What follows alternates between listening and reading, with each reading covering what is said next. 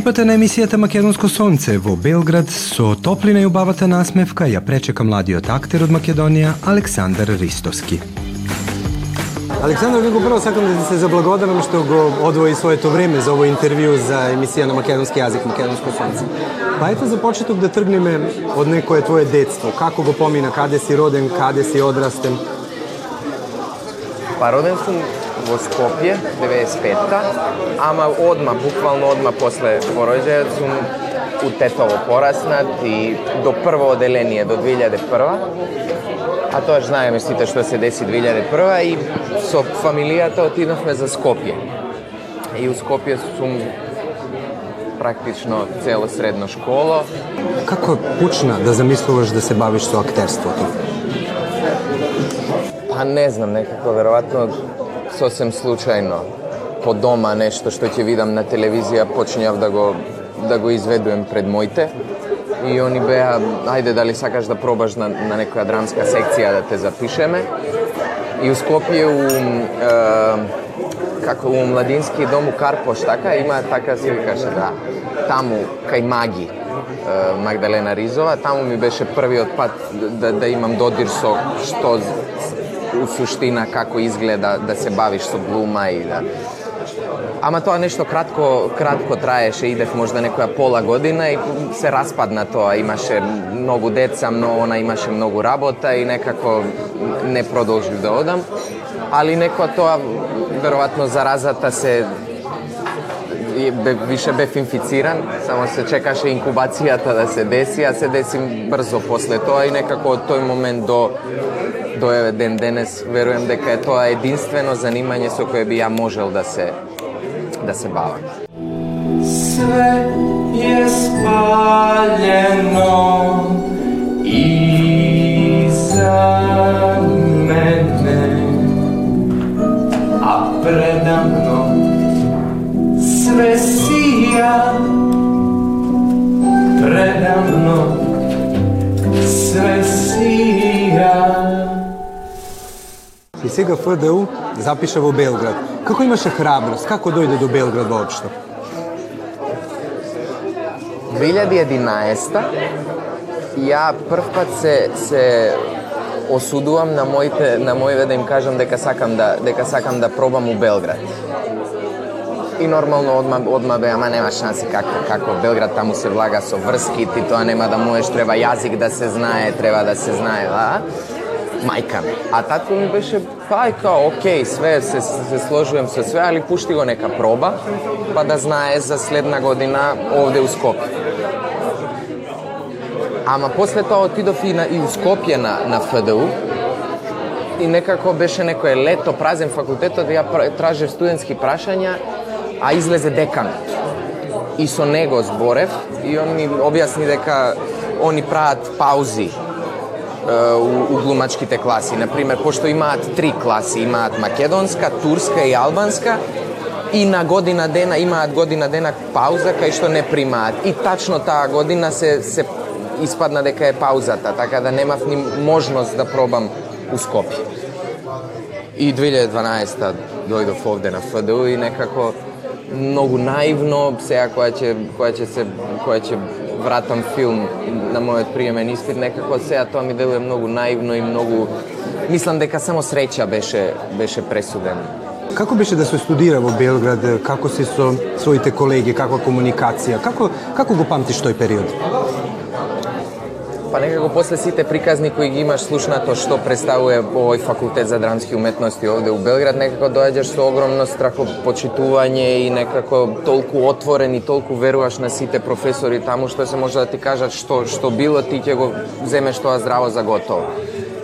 А сите сите до еден у класат се такви. Мислам кога ќе доеш као поготово кога си успеал да упишеш и све тоа, они ти се таму богови и некако со, со тоа што бевме толку отворени, бевме отворени едни према други, така да е некако многу многу брзо и таква е атмосферата направена и таков е начинот на студирање да ти не можеш да со, со колегите од класа не станеш нешто као брат или као сестра. По 11 сати на, на факултет, 4 години заедно, тоа е некој добар период да се запознаеме озбилно добро. Али никогаш не сум имал тоа kao se on je makedonec pa nešto, ne, u, sekvaš bilo, brate, desi, brate, makedon.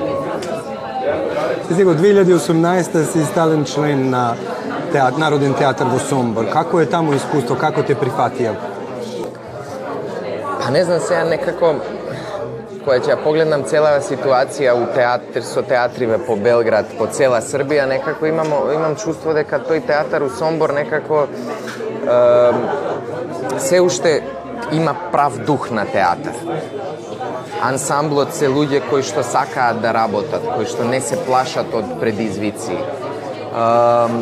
Добро место за млад глумец, пошто добиваш прилики кои можда со 25-4 у Белград не би ги добил никако. Така да е доб, добро место за тренинг и добро место за, за млад глумец да, да пече занат.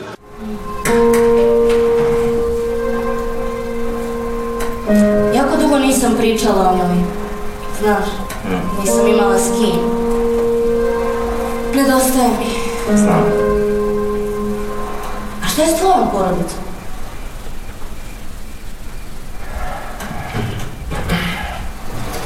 Ne bi voljela da slušaš o tome, Julija. Ček, čekaj, sam ja nešto pogrešno uradila? I moja majka je... Ovaj, a za oca ne znam, znam da se zvao isto kao i ja. Повод за овој разговор ни беше нечиста крв. Како предизвик за тебе беше тоа снимање во еден дел зборуваш и на турски јазик? Како беше тоа? Па не знам, некако валјда тоа мене ми е поприродно од, од овие овде што се у Белград некако. Јас сум ја знаем што значи што значи соживот со, со други националности, пораснат сум со албанци, со турци, ги знам нивните обичаи, сум ги слушал доека зборат, така да многу лесно ми беше мелодијата да ја на турскиот да ја фатам, а што се однесува на врањанскиот, и тоа ми е и тоа ми е некако валјда у крв, пошто е македонскиот јазик има само кратки акценти, а у врањанскиот дијалект тоа е тоа е суштината на дијалект, да да бидат кратки акценти.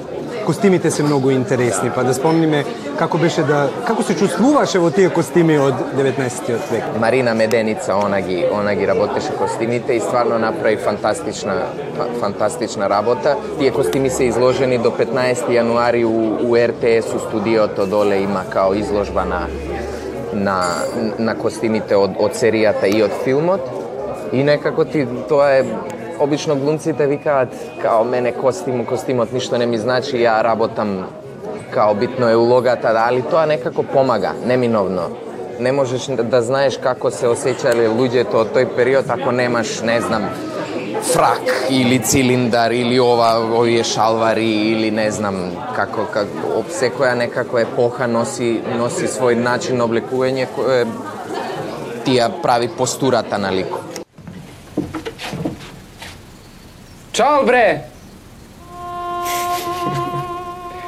Her yerde aşk.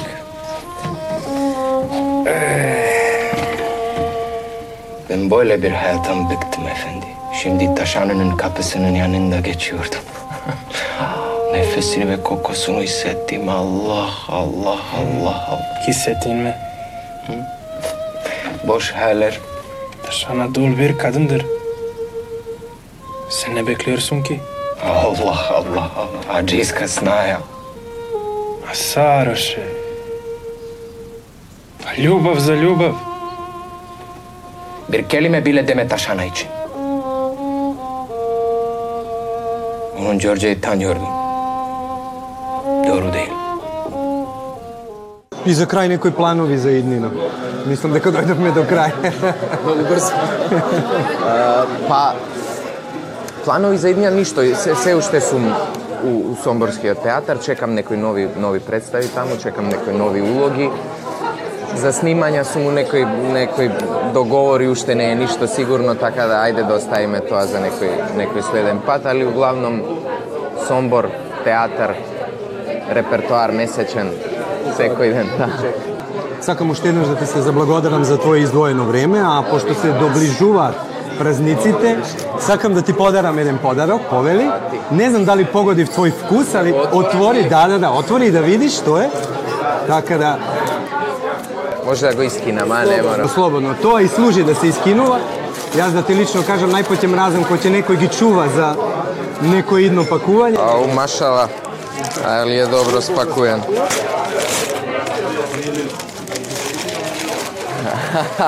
Да, да, да, обожавам стрипови иначе. обожавам, баш обожавам. У, фала. Сега, ја морав малку да се дотакнам, самата приказна се, се дешава во Нови Сад. Ево, во, на прва страна можеш да видиш центарот на Нови Сад, така да и, и прича е онака малку интересна, се надевам дека ќе ти се допадне. Фала ви многу.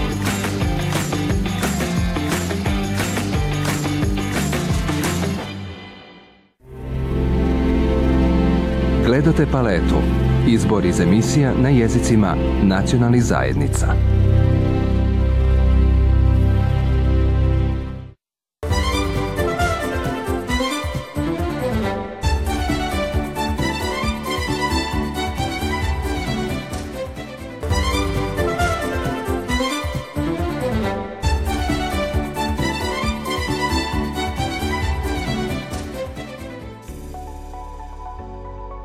Изразот калиграфија е кованица на два грчки збора – калос, што означува убавина, и графе, што означува пишување.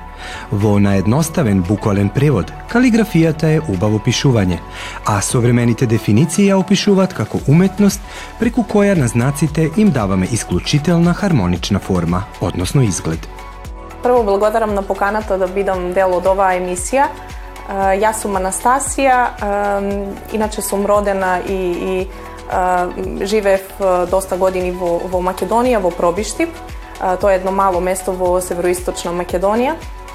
Но после осмо оделение дојдов во Нови Сад, упишав средна школа, средна школа за дизајн, тоа е Богдан Шупут во Нови Сад и од тогаш сум тука. Живеам тука, работам, тоа е тоа.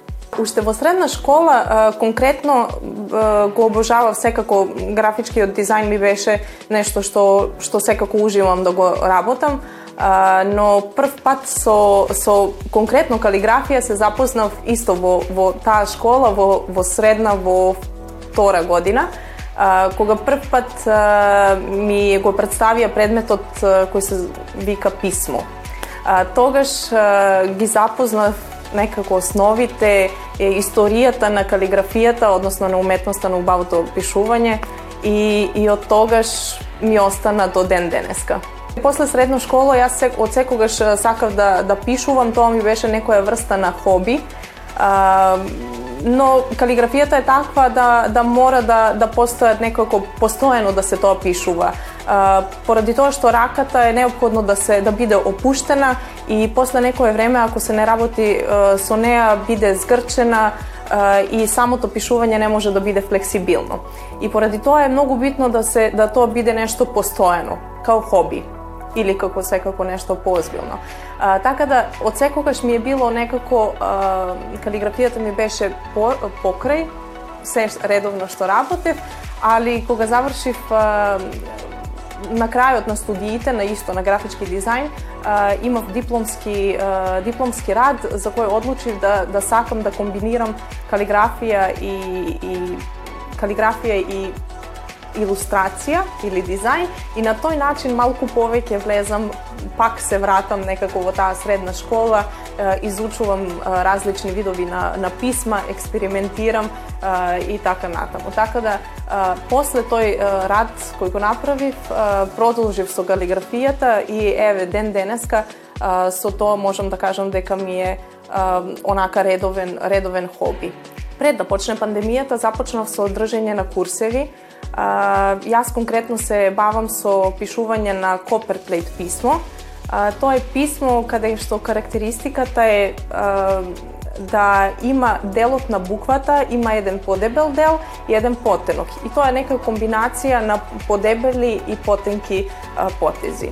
А, така да сакав да ја представам а, тоа таа врста на писмо, некако модерни модерно писмо во однос на традиционалната калиграфија, сакав да им ја представам овде на луѓето, да поделам мојата љубов со со луѓето околу околу мене. Така да а, почнав да организирам работилници кои беа, можам да кажам, на вистина ми изненади реакцијата на сите сите учесници и на луѓето кои до сега ете нема шанса да се да се сретнат овде со со таква врста на писмо. А, сакав да, да им помогнам да ја научат калиграфијата како некоја врста хоби или а, да за свое некако за, за своја некако душа за за сите креативци да тоа биде некако а, достапно. Така и започна се со, со тие работилници, запознав многу луѓе а, и тоа ме некако потикна да се повеќе и повеќе работам на тоа а, да, да споделам со луѓето и се што, се што знае во тој момент. Калиграфијата е префинета уметничка вештина која бара многу внимание и трпеливост. Треба да бидете уредни, но и неверојатно надарени за да ги извиткувате буквите во неверојатна симетрија. Во почетокот кога почнав да да да се представувам како калиграф, односно да да да ги објавувам работилниците, обично тоа беа млади луѓе затоа што секако тие се поактивни на друштвените мрежи и полесно доаѓаат до информациите за организирање на на самите на самите работилници за калиграфија. А, така да на почетокот тоа беа млади млади луѓе беше мешано и машки и женски, тука немаше некој да превладуваа секако женските, а, но како времето проаѓаше, а, сега гледам дека се повеќе луѓе во од 30 до 40 години се се некако застапени на на самите работилници. Секако има и постари луѓе, значи некаде и до 50, 50 години кои се заинтересирани да да да учат, да да научат поради тоа што, како да кажам, калиграфијата некако, е, кога работите калиграфија, кога пишувате, кога учите, а, некако делува многу медитативно. Е, така да, е, сакам и на тај начин да ја представам калиграфијата и затоа секогаш кажувам и препорачувам као хоби, поради тоа што е баш тоест самото самото пишување делува многу медитативно. И затоа и затоа ми е драго дека сите сите старости се се застапени. Секако и преовладуваат женски повеќе, но но се случува понекогаш да дојдат и, и машки.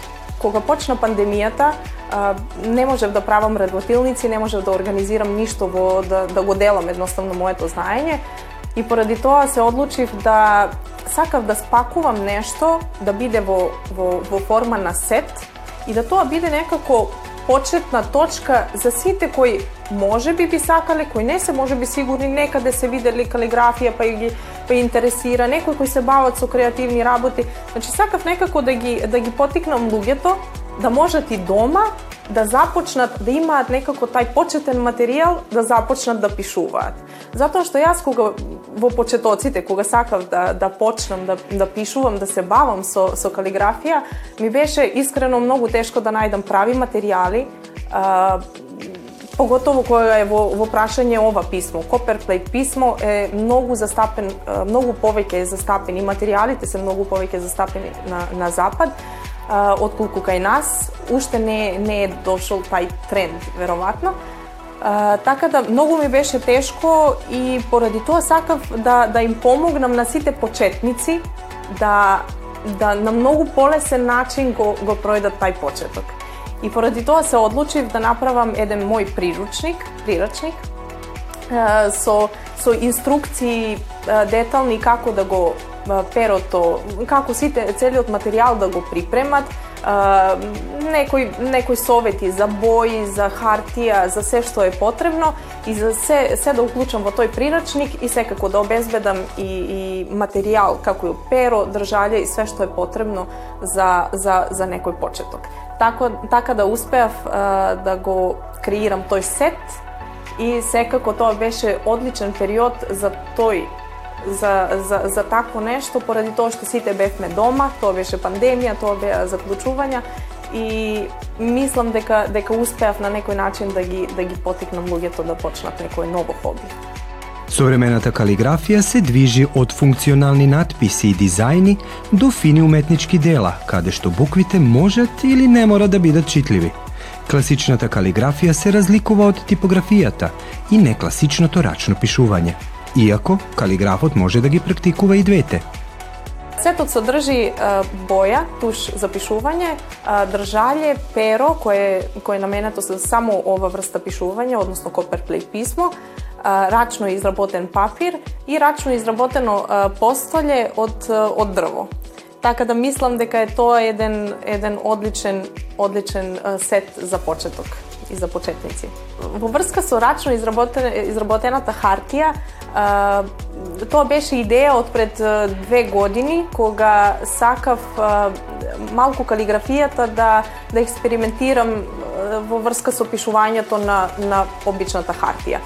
А, така да ми дојдов до идеја да, да пробам како би изгледала комбинација со, со рачно изработена хартија, која видев секако на интернет и кој видов дека одлично, одлично одговара. Меѓутоа, кај нас нема, на жал нема, немаше достапно тогаш таква врста на хартија, па во еден разговор со мојата мајка, која инако, инаку живее во Пробиштип, дојдовме до идеја дека уствари можеме ние само и да го изработиме.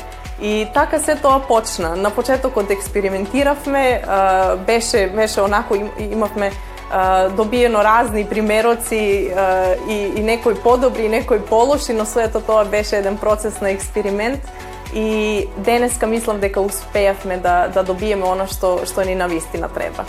Така да таа работи се уште, значи ги работи тие хартии дома, јас ги превзимам и на, секако има тука еден процес околу припремата пред пишувањето на калиграфија, но ете, сега на работилниците и во сетот ги вклучувам како би луѓето можеле да, да, да пробаат како е пишувањето на, на рачно изработена хартија. Калиграфијата продолжува да цвета во форма на свадбени покани и покани за настани – дизајн на фонт и типографија, оригинален дизајн на лого со букви, религиозна уметност со обштенија, графички дизајн и нарачана калиграфска уметност, надписи на камени и меморијални документи. Убавото пишување може да се користи во, во доста намени. А, може да биде користено за, за честитки, за букмаркери, а, за разни врсти гледам дека доста сега луѓето кои се кои се бават со рачна изработка на производи сакаат да комбинираат калиграфијата а, заедно со нивните нивните изработки што е што е супер. Идејата е одлична. А, така да наоѓа примена во секојдневниот живот а, чисто за за нас и за најблиските да ги да ги изненадиме со убави некои поклони. Мојата интернет, односно Инстаграм страница е се вика Калисија. Тоа е кратенка на калиграфи by Анастасија и тука обично споделувам секој ден новости или или некои нови изработки или нови пишувања и тука може на некој начин сакам да ги инспирирам луѓето, поготово оние кои се веќе купиле, кои имаат материјали за калиграфија да ги искористат на најубав начин. А, така да секако тука објавувам и информации во врска со, со курсевите, со работилниците и секако за, за калиграфскиот сет, кога е достапен и, и кога може да се порачува. Така да на, на мојата страница можете да најдете сите информации и секако за се што е останато може да се, да се чуеме и да, да ме контактират. Од минатата година можам да кажам дека сум е, член на УПИДИВ, Тоа е Удружење ликовних уметника применених уметности и дизајнера Војводине. Така да се радувам многу на тоа што имам можности да учествувам на, на нивните изложби, па се надавам секако и на, на понатомошна соработка. Би сакала исто да кажам дека сум да, додека пред неколку години почнав да се, секако калиграфијата ми беше дел од секојдневието, видов еден конкурс на, на факултети.мк, на македонскиот портал и а, во врска со најубав ракопис, конкурс за најубав ракопис а, во Македонија. Се пријавив, а, се пријавив одма, а, напишав, а, темата беше песма од а, Блаже Конески, напишав и добив прво место, што ми даде некако поттик и тогаш да да наставам да да да пишувам калиграфија, а, пошто видео дека има стварно убави реакции. а, секако понатаму понатака соработував со со нив во врска со со едни признанија и и тоа ми отвори секако многу многу врати. Калиграфијата за Анастасија е уметност која ја дава можност на најдобар начин да го искаже оно што го чувствува во својот внатрешен свет.